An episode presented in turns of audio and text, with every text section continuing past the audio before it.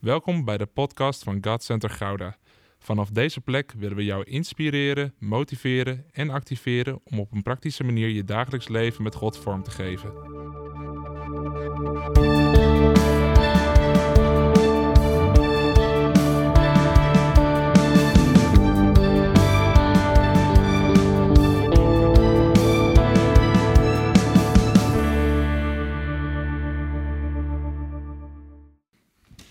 Misschien zag je het al voorbij komen op de socials, maar we hebben een bijzonder onderwerp vandaag. Een bijzondere titel, misschien werd je er wat onrustig van. Misschien dacht je van oké, waar, waar, gaan we nu weer heen? Maar ik geloof dat dit een hele belangrijke boodschap is. En ik ben er zelf al echt al twee weken van in vuur en vlam. En ik voel, dit woord moet nu gereleased worden en moet, moet vrijgezet worden. En ik geloof in diepste dat dat niet alleen is voor God en Gouda, maar ook voor zoveel mensen eromheen. Want het is tijd voor verandering. De onderdrukking heeft lang genoeg geduurd. En we worden al te lang overheerst. En we willen onze vrijheden zo graag terug. We willen ons niet monddood laten maken. En we hebben genoeg van deze lockdown. Het is tijd. Er moet een einde aankomen. Het is tijd. Het is tijd voor een opstand. En we moeten niet langer stil blijven. Maar we moeten, zoals we geroepen zijn, om op te staan in een tijd van deze. We moeten met elkaar opstaan. Het is tijd voor een opstand. Het is tijd voor verandering. Het is tijd voor nieuw leiderschap. Het is tijd voor nu doorpakken. Het is tijd voor een opstand. En als ik deze zinnen zo uitspreek, moet ik eraan denken. Wat lijkt de tijd van de Bijbel soms toch veel op de tijd van nu? Want zijn dit niet de zinnen die wij de afgelopen maanden, de afgelopen weken extreem vaak horen om ons heen? Terwijl als wij even 2000 jaar terug in de tijd zouden gaan en we zouden met Jezus opwandelen, zouden we exact dezelfde woorden om ons heen horen. Wat lijkt de tijd van de Bijbel soms op de tijd van nu? Het zijn de woorden die we nu horen roepen en dat zijn dezelfde woorden als die in de tijd van Jezus ook rondzongen. Ook om Jezus heen. Het is tijd voor een opstand. We zitten inmiddels twee weken voor Pasen. En een aantal weken geleden hadden we het al over de verwachting die er was toen Jezus Jeruzalem binnenkwam. Hij kwam Jeruzalem binnen, de intocht. En we hebben het Hosanna hebben we beleefd met elkaar. De palmtakken, de mantels die op de grond werden gelegd voor zijn binnenkomst. We hebben het al erover gehad. En die verwachting die daar was. Verwacht het. En tegelijkertijd was daar een verwachting die niet zozeer was gericht op wat Jezus uiteindelijk zou gaan doen. Maar er was een verwachting van de grote verlosser die de Israëlieten eindelijk zou gaan bevrijden van de onderdrukking van de Romeinen. Want de Israëlieten die zaten al jaren in lockdown. Dit is de realiteit van de tijd van Jezus. Wij zitten nu een jaartje in, in een soort lockdown en soms wat heftiger, soms wat minder. Maar die zaten al jaren in een lockdown, al jaren in onderdrukking. Al jaren hadden ze het zelf niet voor het zeggen. Dus in de tijd van de binnenkomst van Jezus, in de tijd dat hij Jeruzalem binnenging, hoorde hij precies dezelfde woorden om zich heen als dat wij nu om ons heen horen roepen. En waar de verwachting in Jezus groeide, ontwikkelde zich ook een ander element. En dat is namelijk niet de verwachting in de persoon van Jezus, maar de verwachting hoe de mensen dachten en vonden dat hij de bevrijding zou moeten gaan brengen. En wat lijkt de tijd van de Bijbel soms op de tijd van nu? Want is dat niet wat we de laatste tijd ook zoveel om ons heen zien? Dat de verwachting en de opstand misschien niet meer zoveel te maken heeft met de persoon van Jezus, maar wat wij vinden zoals we nu zouden moeten reageren, zouden moeten opstaan, zouden moeten acteren in deze wereld.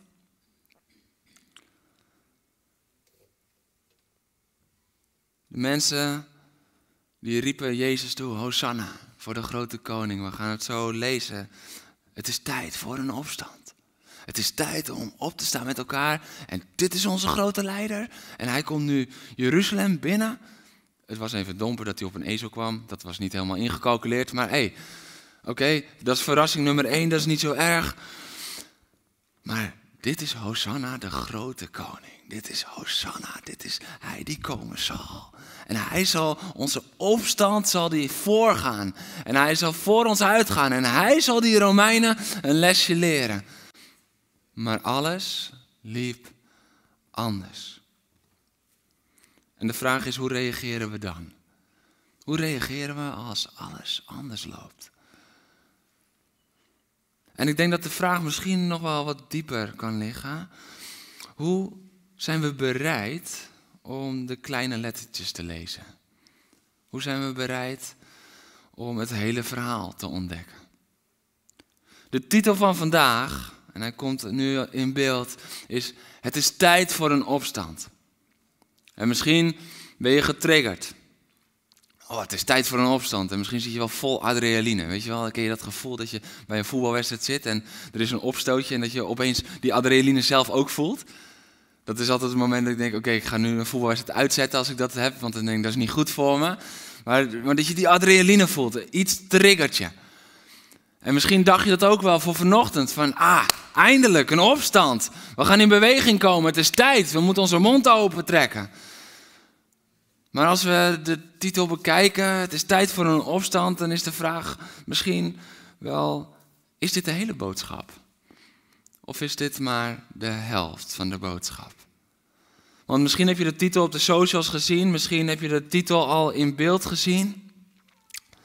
Maar als het goed is, zie je een klein streepje onder de woorden staan. En misschien is dat wel geen streepje. Misschien is het tijd om iets in te zoomen. Laten we even inzoomen. Laten we er even een vergrootglas op leggen. Oh, wacht even. Wacht even. De kleine lettertjes. Het is tijd voor een opstand, is maar de helft van de boodschap. Het is tijd voor een opstandingsleven. Wacht even. Dus dan wordt de hele boodschap van vanochtend anders, want we hebben iets over het hoofd gezien. En als wij denken het is tijd voor een opstand, dan is dat waar, maar het is maar 50% van de waarheid. Maar het maakt een wereld van verschil in hoe we het gaan uitleven. Wat nou als we de kleine lettertjes overslaan? Wat gebeurt er dan? En hoe vaak is het niet zo dat we de kleine letters overslaan? Want wat een verschil in betekenis als het van opstand naar opstandingsleven gaat. Wat een verschil in boodschap. Wat een verandering in deze preek wordt het nu opeens. Want het ging toch over die opstand waarbij we in beweging moeten komen tegen alles wat ons van God afhoudt. En misschien verwacht hij wel een beetje een opstand tegen de maatregelen. Dacht je van oké, nu gaan we in beweging komen tegen het beleid. Halleluja, dacht je. We zijn er klaar voor. We gaan in actie komen. Laten, we onze wapenrusting aandoen en, en we, we gaan op pad. Maar, oh, wacht even. Dat was maar de helft van de boodschap. Het is tijd voor een opstandingsleven. De kleine lettertjes in het verhaal. Zoals we zo vaak de kleine lettertjes missen. Want weet je, ik zie steeds meer christenen, bewegingen en ook kerken zich vanuit frustratie opstandig gaan bewegen. En ze roepen dat het het vuur van God is, terwijl het niet de leiding van de geest is, maar de opstandigheid van hun hart. Waarom? Omdat ze de kleine lettertjes weglaten. Waarom? Omdat ze niet bereid zijn om die kleine lettertjes te lezen. En als je alleen de headlines pakt, dan is het hard te maken wat je doet. Maar als je de kleine lettertjes leest, komt er een heel ander verhaal uit. En misschien kom je dan wel in opstand terwijl Jezus weggaat via de nederigheid van het kruis. Misschien ga jij dan wel uit frustratie en ongeduld werken terwijl Jezus zegt: Ik doe het vanuit liefde. Misschien ga jij dan wel tegen de wereld strijden terwijl Jezus jou de wereld in wil sturen. Wat als we de kleine lettertjes missen? Zonder de kleine lettertjes begrijpen we het geheel niet begrijpen we niet wat de wil van God is. En we denken de wil van God te pakken, maar we missen de weg die Hij voor ons uit heeft gelegd. Het is tijd om de kleine lettertjes te pakken. Ik wil een aantal teksten met je lezen waarin dit duidelijk naar voren komt. En we beginnen met Matthäus 16. Ik zou zeggen, pak vooral je eigen Bijbel erbij. Hij komt ook in beeld, maar het is goed om je eigen Bijbel erbij te pakken. Ik wil je vragen om op te staan voor het woord van God. Als je hier voor het eerst bent, als we het woord van God lezen, dan staan we graag op uit ontzag voor het woord. Ook als je thuis bent, kom in beweging. Misschien ben je even gedesillusioneerd, want je dacht, ik sta klaar voor de opstand. Maar sta dan klaar voor het volledige woord van God. En ik geloof dat je straks helemaal klaar staat voor het opstandingsleven. En dat is beter voor je.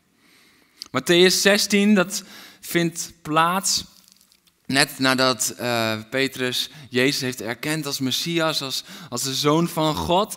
En dan staat er in vers 21, vanaf die tijd begon Jezus zijn discipelen duidelijk te maken dat hij naar Jeruzalem moest gaan en veel zou moeten lijden door toedoen van de oudsten, de hoge priesters en de schriftgeleerden en dat hij zou gedood worden. Maar op de derde dag uit de dood zou worden opgewekt. Dus Jezus begint dat te vertellen. Jezus begint hier als het ware die kleine lettertjes te openbaren. En wat gebeurt er dan? De eerste opstand is gelijk een feit. Petrus nam hem tezijde, begon een veld terecht te wijzen. God verhoede het, Heer. Dat zal zeker niet gebeuren.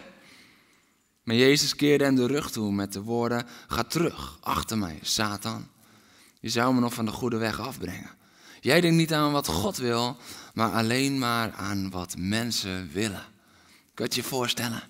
Dat Petrus daar komt en Jezus is aan, het vertellen.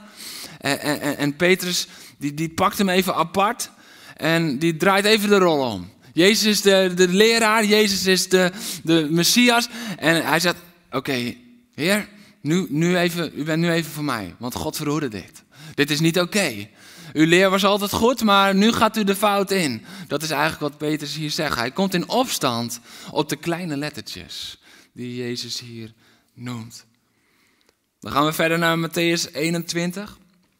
In Matthäus 20 zien we in vers 18, die komt niet op het scherm, maar zien we ook dat Jezus weer zegt: We zijn nu op weg naar Jeruzalem, waar de mensenzoon zal worden uitgeleverd aan de hoge priesters en de schriftgeleerden die hem ten dood zullen veroordelen. Dus nogmaals gaat hij het hebben over zijn dood, nogmaals over zijn lijden, nogmaals misschien wel die kleine lettertjes die we wat minder graag horen.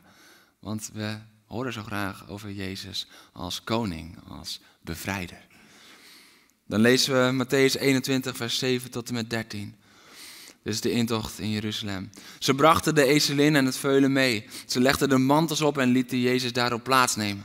Vanuit de menigte spreidden velen hun mantels uit op de weg. En anderen braken twijgen van de bomen en spreidden ze uit op die weg. De talloze mensen die voor hem uitliepen en achter hem aankwamen, riepen luidkeels: Hosanna voor de zoon van David. Gezegend hij die komt in de naam van de Heer. Hosanna in de hemel. Toen hij Jeruzalem binnenging, raakte de hele stad in rep en roer. Wie is die man? wilde men weten. En uit de menigte werd geantwoord: Dit is Jezus, de profeet uit Nazareth in Galilea. Jezus ging de tempel binnen. Hij joeg iedereen weg die daar iets kocht of verkocht. Hij gooide de tafels van de geldwisselaars om en de stoelen van de duivenverkopers omver. En hij riep hen toe: Er staat geschreven: Mijn huis moet een huis van gebed zijn. Jullie maken het tot een rovershol. Oké. Deze hadden we niet zien aankomen. Jezus komt binnen, Jeruzalem binnen. En hij moest toch die Romeinen aanpakken. Maar het eerste wat hij doet, is het aanpakken van de tempel. En dan wil ik afsluitend nog Handelingen 1, vers 6 lezen. En daarna mag je weer gaan zitten. Wees niet bang. Je hoeft niet de hele boodschap te blijven staan. Handelingen 1 vers 6, het is na de opstanding van Jezus. En hij heeft 40 dagen heeft hij over het koninkrijk van God gesproken. En dan staat er, zij die bijeengekomen waren, vroegen aan hem, hem is Jezus. Heer, gaat u dan binnen afzienbare tijd het koningschap over Israël herstellen?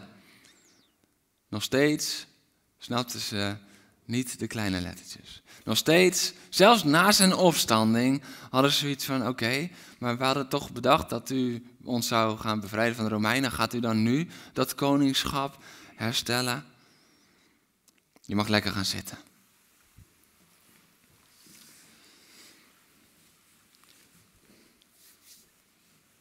Ik heb twee punten voor vandaag. En de eerste is, zonder de kleine lettertjes verzand je in een opstandig leven. Zonder de kleine lettertjes verzand je in een opstandig leven. En ik ga vandaag de nadruk leggen op die kleine lettertjes, omdat we die lettertjes zo vaak overslaan. En daardoor missen we de volle boodschap van God. Omdat we het zelf gaan invullen en we gaan het zelf uitstippelen. En dat is wat we zien. Hè? Als Jezus begint te spreken over zijn lijden, over dat het hem wat gaat kosten, over de pijn en het verdriet, dan het eerste wat er gebeurt is dat er een opstand gaat plaatsvinden.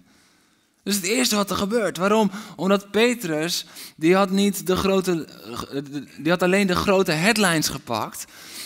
Er komt een bevrijder, er komt een goddelijke held, er komt een eeuwige vader, er komt een vredevorst, wonderbare raadsman.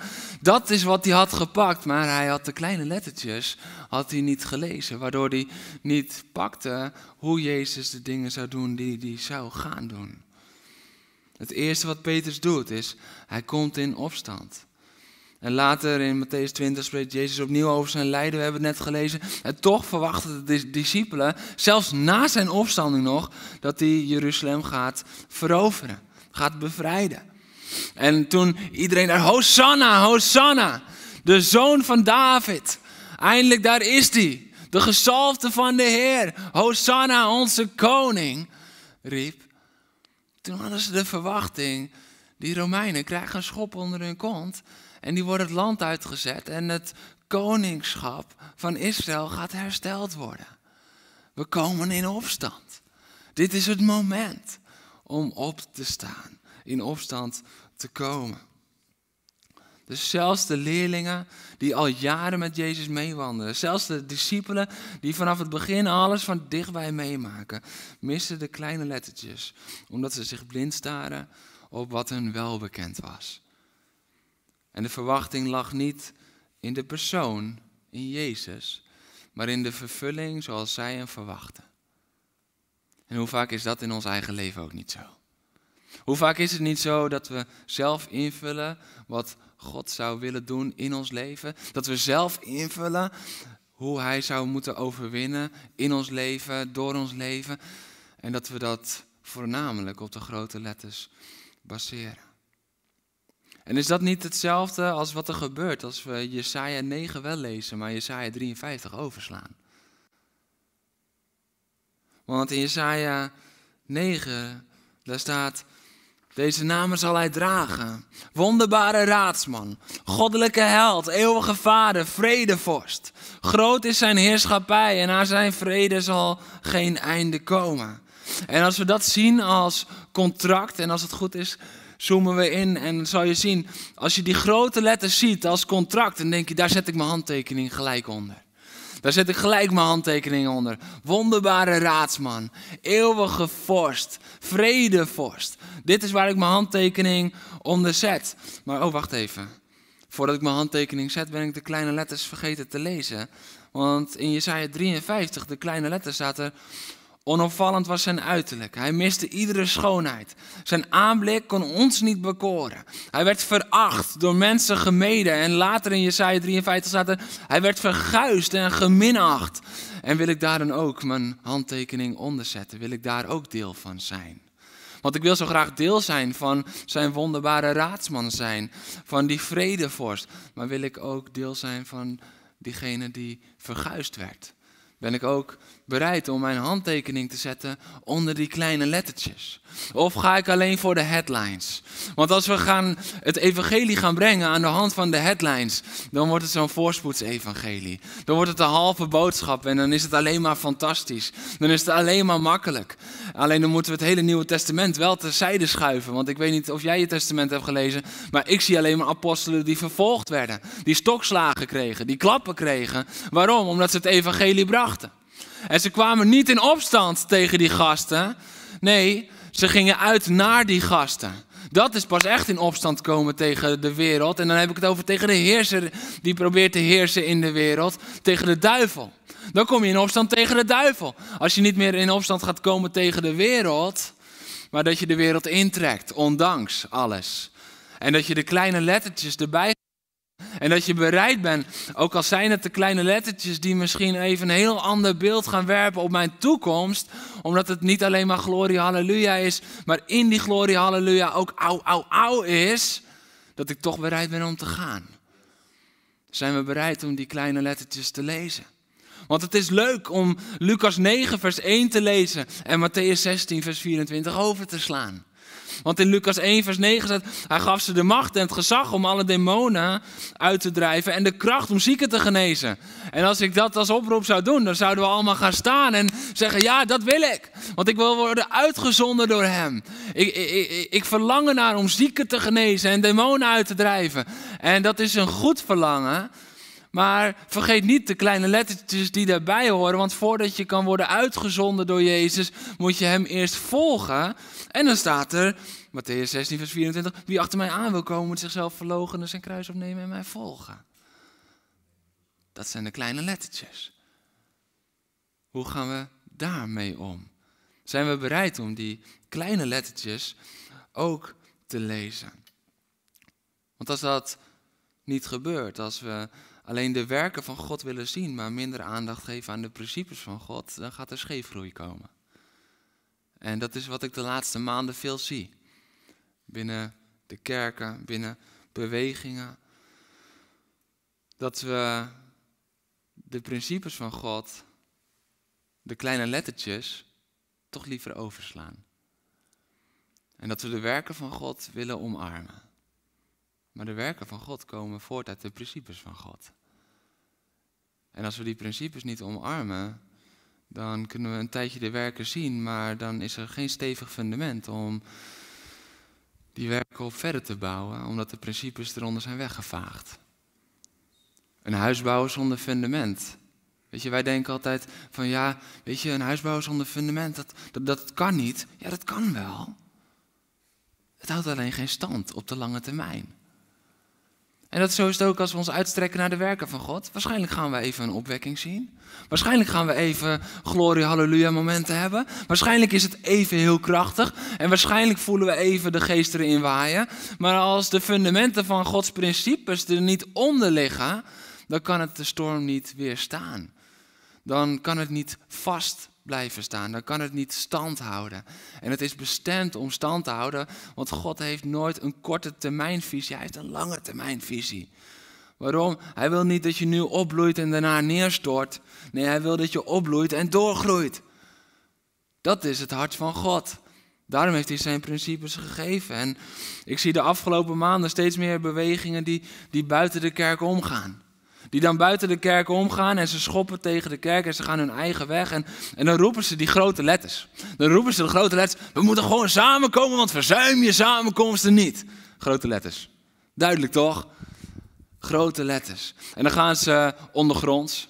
Weet je, ik hoor uit verschillende plekken uit het land. Ik hoorde zelfs uit het oosten van het land kwam het tot me dat er ondergrondse samenkomsten zijn die, die zich dan afstoten tegen kerken die niet besluiten samen te komen om de overheid te respecteren en, en, te volgen. En ze zeggen dat is het vuur van de geest en de weg van God, maar ze gooien de principes, de kleine letters, gooien ze overboord. Want ze noemen zichzelf opeens voorgangers of pastors of evangelisten. En de kleine letters van het woord zeggen dat die altijd bevestigd worden vanuit het lichaam en dat je nooit jezelf zo kan noemen. En de kleine letters van het woord zeggen dat je uitgezonden wordt uit een bestaand huis van God, een gemeente. En als je dan wordt uitgezonden, dat dat gebeurt onder handoplegging van de leiders, omdat het erkend wordt, niet alleen door God, maar ook uh, via de leiders door God, zodat het duidelijk is dat je betrouwbaar bent. De kleine lettertjes. En die principes van God, die worden overboord gegooid en we roepen over het vuur om het ontbreken van de principes misschien wel te verhullen.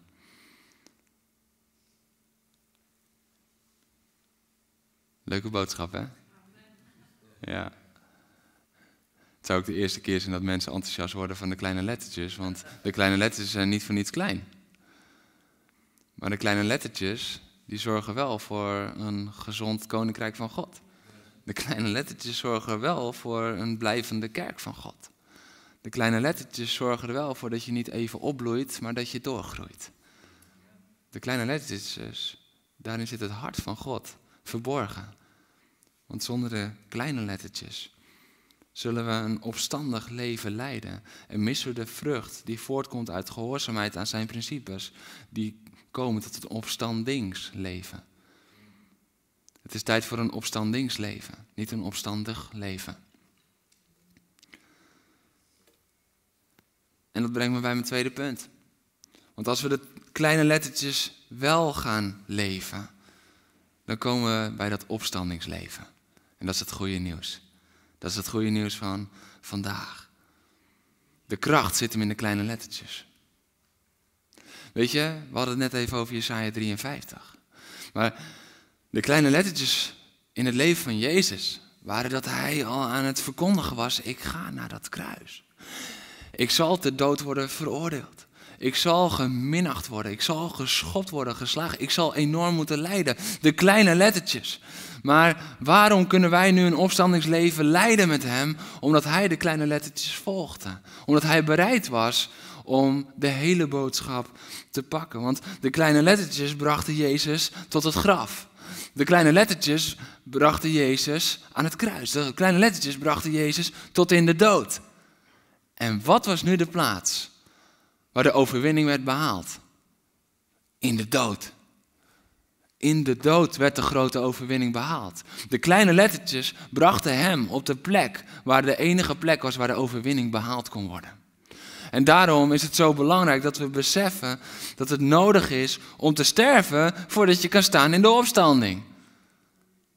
Alleen als we die kleine letters, dat sterven weglaten, omdat dat niet zo, ja, dat ligt gevoelig en dat is niet zo lekker, dan komen we nooit tot de opstanding. Want wat niet dood is, kan niet opstaan uit de dood. Daar zijn we het over eens toch met elkaar? Wat niet dood is, kan niet opstaan uit de dood. Dat wordt een lastig verhaal. Daarom moest Jezus eerst sterven. Daarom moest hij eerst die lijdensweg gaan en sterven aan het kruis en in het graf worden gelegd en neerdalen in de dood, zodat hij daar de overwinning kon behalen en kon opstaan uit de dood. En dan kom je bij het opstandingsleven. Hij had een opstandig leven kunnen leiden als hij zei van nee, ik ga deze weg niet. Ik hou me vast aan de grote letters, aan de grote woorden, aan de headlines. Wonderbare raadsman, vredevorst, ik zal mijn macht hier vertonen. Maar hij ging door de kleine letters, daalde die af. Bereid, bereid om de weg te gaan voor jou en mij, tot in de dood. Op de plek waar hij de grote overwinning zou behalen. Waaruit jij en ik nu elke dag leven. Dit is de realiteit. Dit is de realiteit van de kleine letters. Het was de plaats, de enige plaats waar hij de echte overwinning kon behalen. Niet de overwinning op de Romeinen zoals de mensen verwachten, maar de overwinning op de dood die over de mensen heerste. Dat is een klein zijspoortje, maar het moment dat Jezus de kleine letters volgt en een andere weg gaat dan jij en je denkt, oh, waarom moet het zo? Heeft hij altijd iets groters voor ogen. Zoals het hele volk Israël dacht, we worden eindelijk bevrijd van de Romeinen maar hij bevrijdde de mensheid van de dood. Dus het was een, een, een, een, volksverwachting, niet een wereldwijde verwachting, maar een volksverwachting tegenover één tegenstander die tijdelijk van aard was. En wat deed Jezus? Jezus pakte de hele mensheid en versloeg de vijand die niet tijdelijk van aard was, maar die van eeuwige aard was. Tot op dat moment. Hij versloeg de duivel. En we hebben onze mond vaak vol van het volgen van Jezus en zijn weggaan. Maar als we heel, heel eerlijk zijn, willen we ook echt dat hele verhaal.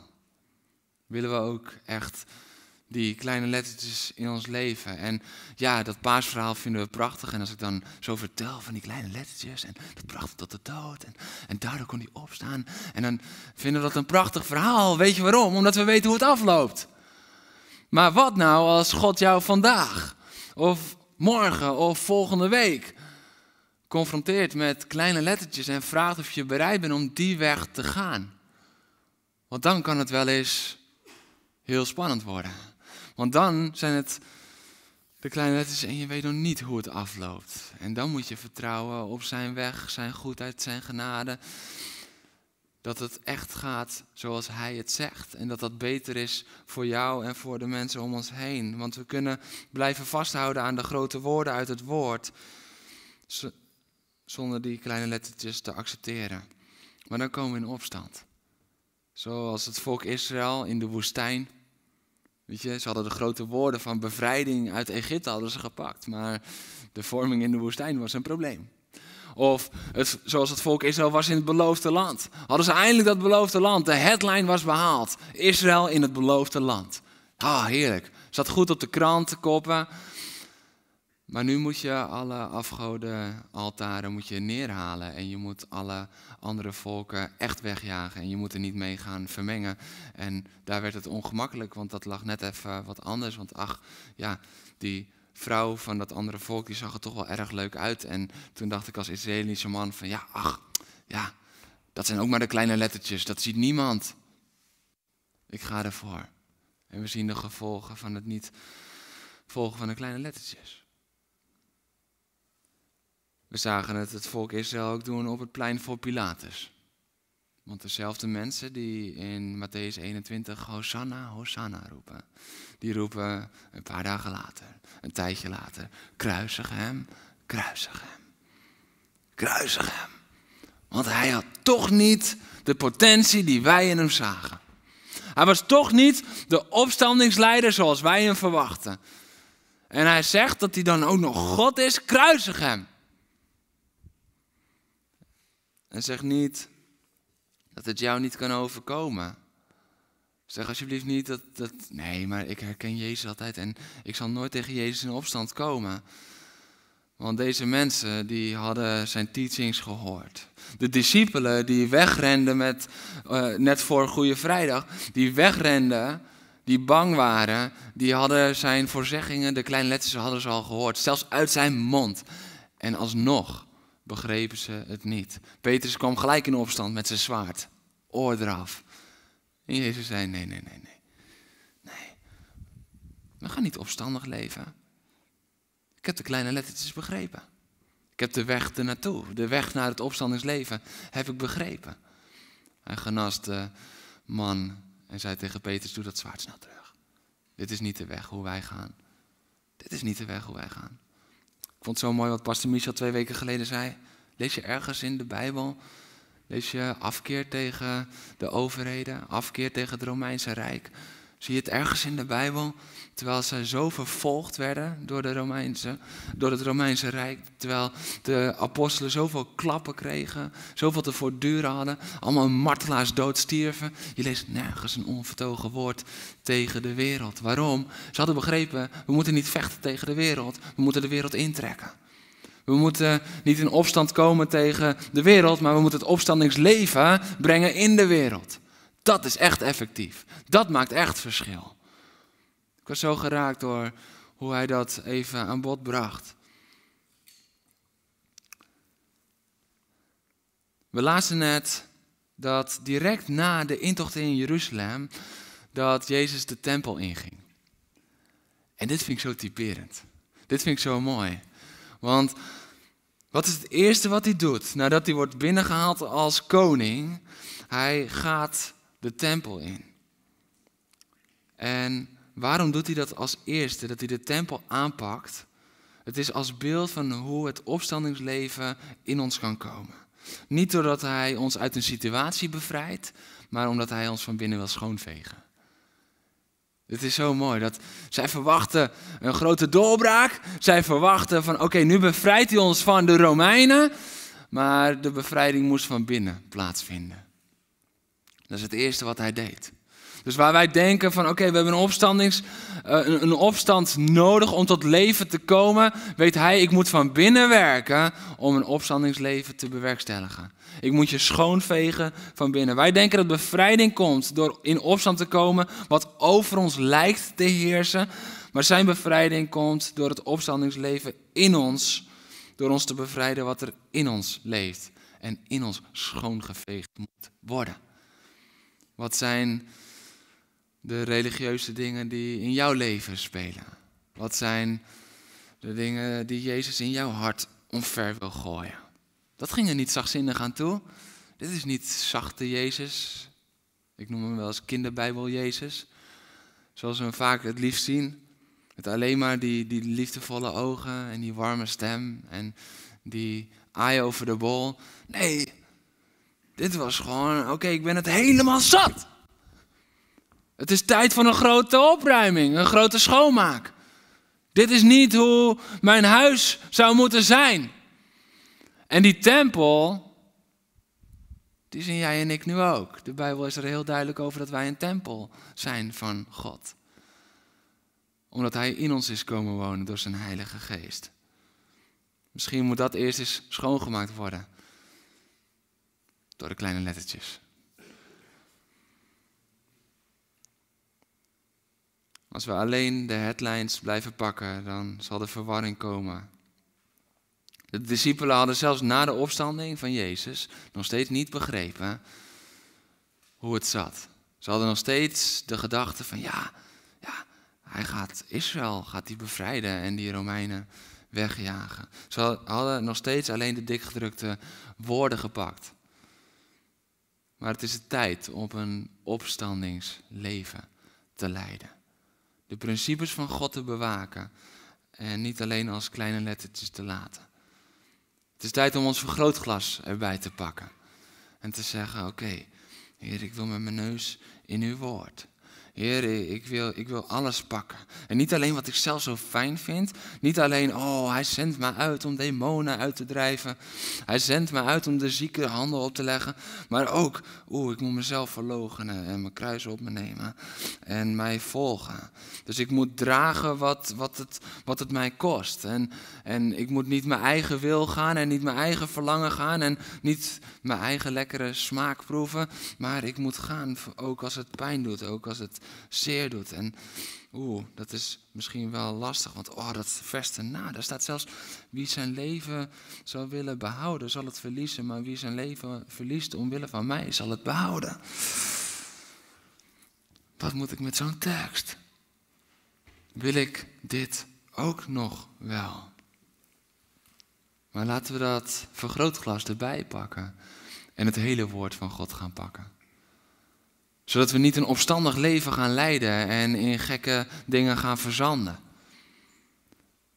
Want die opstandigheid, die zorgt er eigenlijk alleen maar voor dat we afdwalen van dat wat God echt heeft in zijn koninkrijk. En het lijkt even misschien vrucht te dragen. En het lijkt even, wow, wat gaat dit hard. Wow, wat gaat dit goed. En misschien wordt er ook even sneller gebouwd en is het even heel indrukwekkend daardoor. Maar dat komt omdat er geen rekening hoeft gehouden te worden met het fundament. Dus kan je gewoon klakkeloos gaan bouwen en zie je even heel veel werken. Even. Maar het zal niet bestemd zijn tegen de storm, omdat het niet leunt op de principes van de Allerhoogste God. Die die principes niet heeft gegeven om lastig te zijn, maar omdat hij van ons houdt. Omdat hij wil dat we vrucht blijven dragen. Het is tijd voor een opstand. Het is tijd om op te staan. Tegen een gekleurde, tegen een halve, tegen een altijd lekkere smakende, tegen een op onszelf gerichte, tegen een boodschap van alleen de dikgedrukte woorden, de headlines. Tegen alleen maar wat wij zo mooi vinden zo passend vinden, zo naar verlangen. Want ze houden ons af van die kleine letters. Ze maken ons opstandig en ze houden ons af van het opstandingsleven. En dat is waar jij voor bestemd bent. Die opstandingskracht, dat opstandingsleven, dat begint in jou. Dat begint in jou. Zodat je niet alleen de opstanding viert, maar ook het lijden leeft zodat je niet alleen naar de werken van God verlangt, maar zijn principes pakt. En zodat je niet alleen je eigen smaak wilt toe-eigenen, maar de veelkleurigheid van God durft te grijpen. En dat is waarom Jezus vandaag vraagt aan jou en aan mij. Mag ik beginnen met de grote schoonmaak in jou? Zoals die de tempel even flink reinigde. Mag ik beginnen met de grote schoonmaak in jou? Zodat daar de troep ruimte maakt voor opstandingskracht. Zodat jouw zelfbedachte wegen daar plaats maken voor mijn principes en mijn plannen. Zodat de halve boodschap die jou opstandig maakt en zal maken, omdat je mijn wegen niet begrijpt, plaats zal maken voor de volle boodschap die jou zal vullen met het opstandingsleven van mijn zoon. Ben jij bereid? Ik wil vragen of de worship naar voren komt. En ik wil die vraag bij jou neerleggen. Ben je bereid om daarvoor te gaan? En misschien is het goed om gewoon dat ook eens even met elkaar te delen en, en met elkaar daarin een keuze te maken. En ik wil je uitdagen als jij zegt, oh, ik wil gaan voor die opstandingskracht. Wil ik je gewoon vragen om even in de chat te zetten, ik ga voor de kleine lettertjes. Of ik, ik, ik ga van opstandig naar opstandingskracht. Ik kies vandaag voor dat wat misschien wel pijn doet. Maar deel het vooral in de chat om elkaar deel te maken. Weet je, normaal gesproken, als we met elkaar zitten, dan bemoedigen we elkaar door het samen te doen. En ook vandaag mogen we het samen doen, ook al is het in een andere vorm. Laten we het samen doen. Deel het met elkaar. En ondertussen wil ik voor je bidden. Ik wil vragen als dit voor jou is en je wil in opstand komen tegen de kleine lettertjes die gemist worden en je wil, ik wil gaan voor het opstandingsleven, wil ik vragen of je een moment gaat staan op de plek waar je bent. Of dat nou hier in de zaal is of dat je thuis bent. Ga staan en leg je hand op je hart, zodat we een moment gaan bidden met elkaar. Halleluja. Halleluja. Koning Jezus. Want Heer, we willen beleiden dat we zo vaak zo onder de indruk zijn van die dikgedrukte letters, die mooie verhalen, dat we die kleine letters zo lastig vinden om te omarmen. Heer, en misschien dat we ook wel zijn opgeslokt in een cultuur waar het allemaal gaat om voorspoed en om ons eigen lekkere gevoel, terwijl uw woord zo duidelijk is en ons ook oproept om ook de andere kanten te pakken het lijden soms te dragen. En Heer, we willen ook beleiden dat we soms meer gericht zijn op wat wij fijn vinden voor ons hart dan wat uw principes uitdragen. En Heer, vandaag maken we een keuze als we hier zo staan. We maken vandaag een keuze om te gaan voor uw opstandingsleven. Ook als dat betekent dat de smaak wat anders wordt. Als de verwachting moet worden bijgesteld. Omdat uw wegen hoger zijn dan die van ons en uw wegen beter zijn dan die van ons. Heer, we erkennen dat Jesaja 9 niet bestaat zonder Jesaja 53. Heer, we erkennen dat de uitzending van Lucas 9 niet mogelijk is zonder de toewijding van Matthäus 16. Heer, we wijden ons toe vandaag. Heer, we zijn bereid vandaag het is tijd om in opstand te komen. Heer, het is tijd om in opstand te komen tegen een half evangelie en te gaan staan in de opstandingskracht van u, het opstandingsleven van u. En dan niet alleen dat gedeelte, niet alleen Pasen, maar ook Goede Vrijdag. Heer, niet alleen die opstanding, maar ook te delen in het lijden, ook te delen in uw dood. Zoals we met de doop ook daadwerkelijk doen. We delen in uw dood en in uw opstanding. Als we het watergraf ingaan en er weer uit opstaan. Heer, maar dat is niet alleen dat moment. Heer, maar dat is ook de rest van ons leven. Leer ons leven naar uw kleine letters. Heer, omdat ze het principe zijn, het fundament zijn van waaruit we vrucht zullen dragen. Heer, en dat is dan niet kortstondige grote bloei. Heer, maar dat is grote en duurzame bloei. Halleluja. Dank u Jezus voor wie u bent. Dank u voor de kleine letters in uw woord. Heer, maak ons toegewijd. Heer, we kiezen er vandaag voor, Heer. Heer, om toegewijd eraan te zijn. En we vragen uw hulp om dat ook te blijven en om ons standvastig te houden. Heer, het is een keuze in ons hart en we hebben tegelijkertijd uw kracht nodig daarvoor.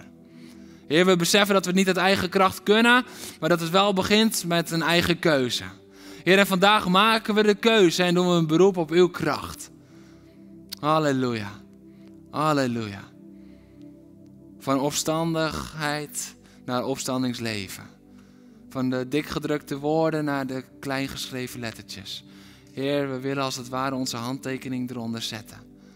Omdat we beseffen Dat de kleine letters de weg zijn naar de grote overwinning. Halleluja. Amen. Bedankt voor het luisteren naar deze podcast. Volg ons op onze kanalen om verbonden te blijven. Heeft deze aflevering jou geraakt? Deel dan op je socials en tag ons, zodat we samen meer mensen kunnen bereiken.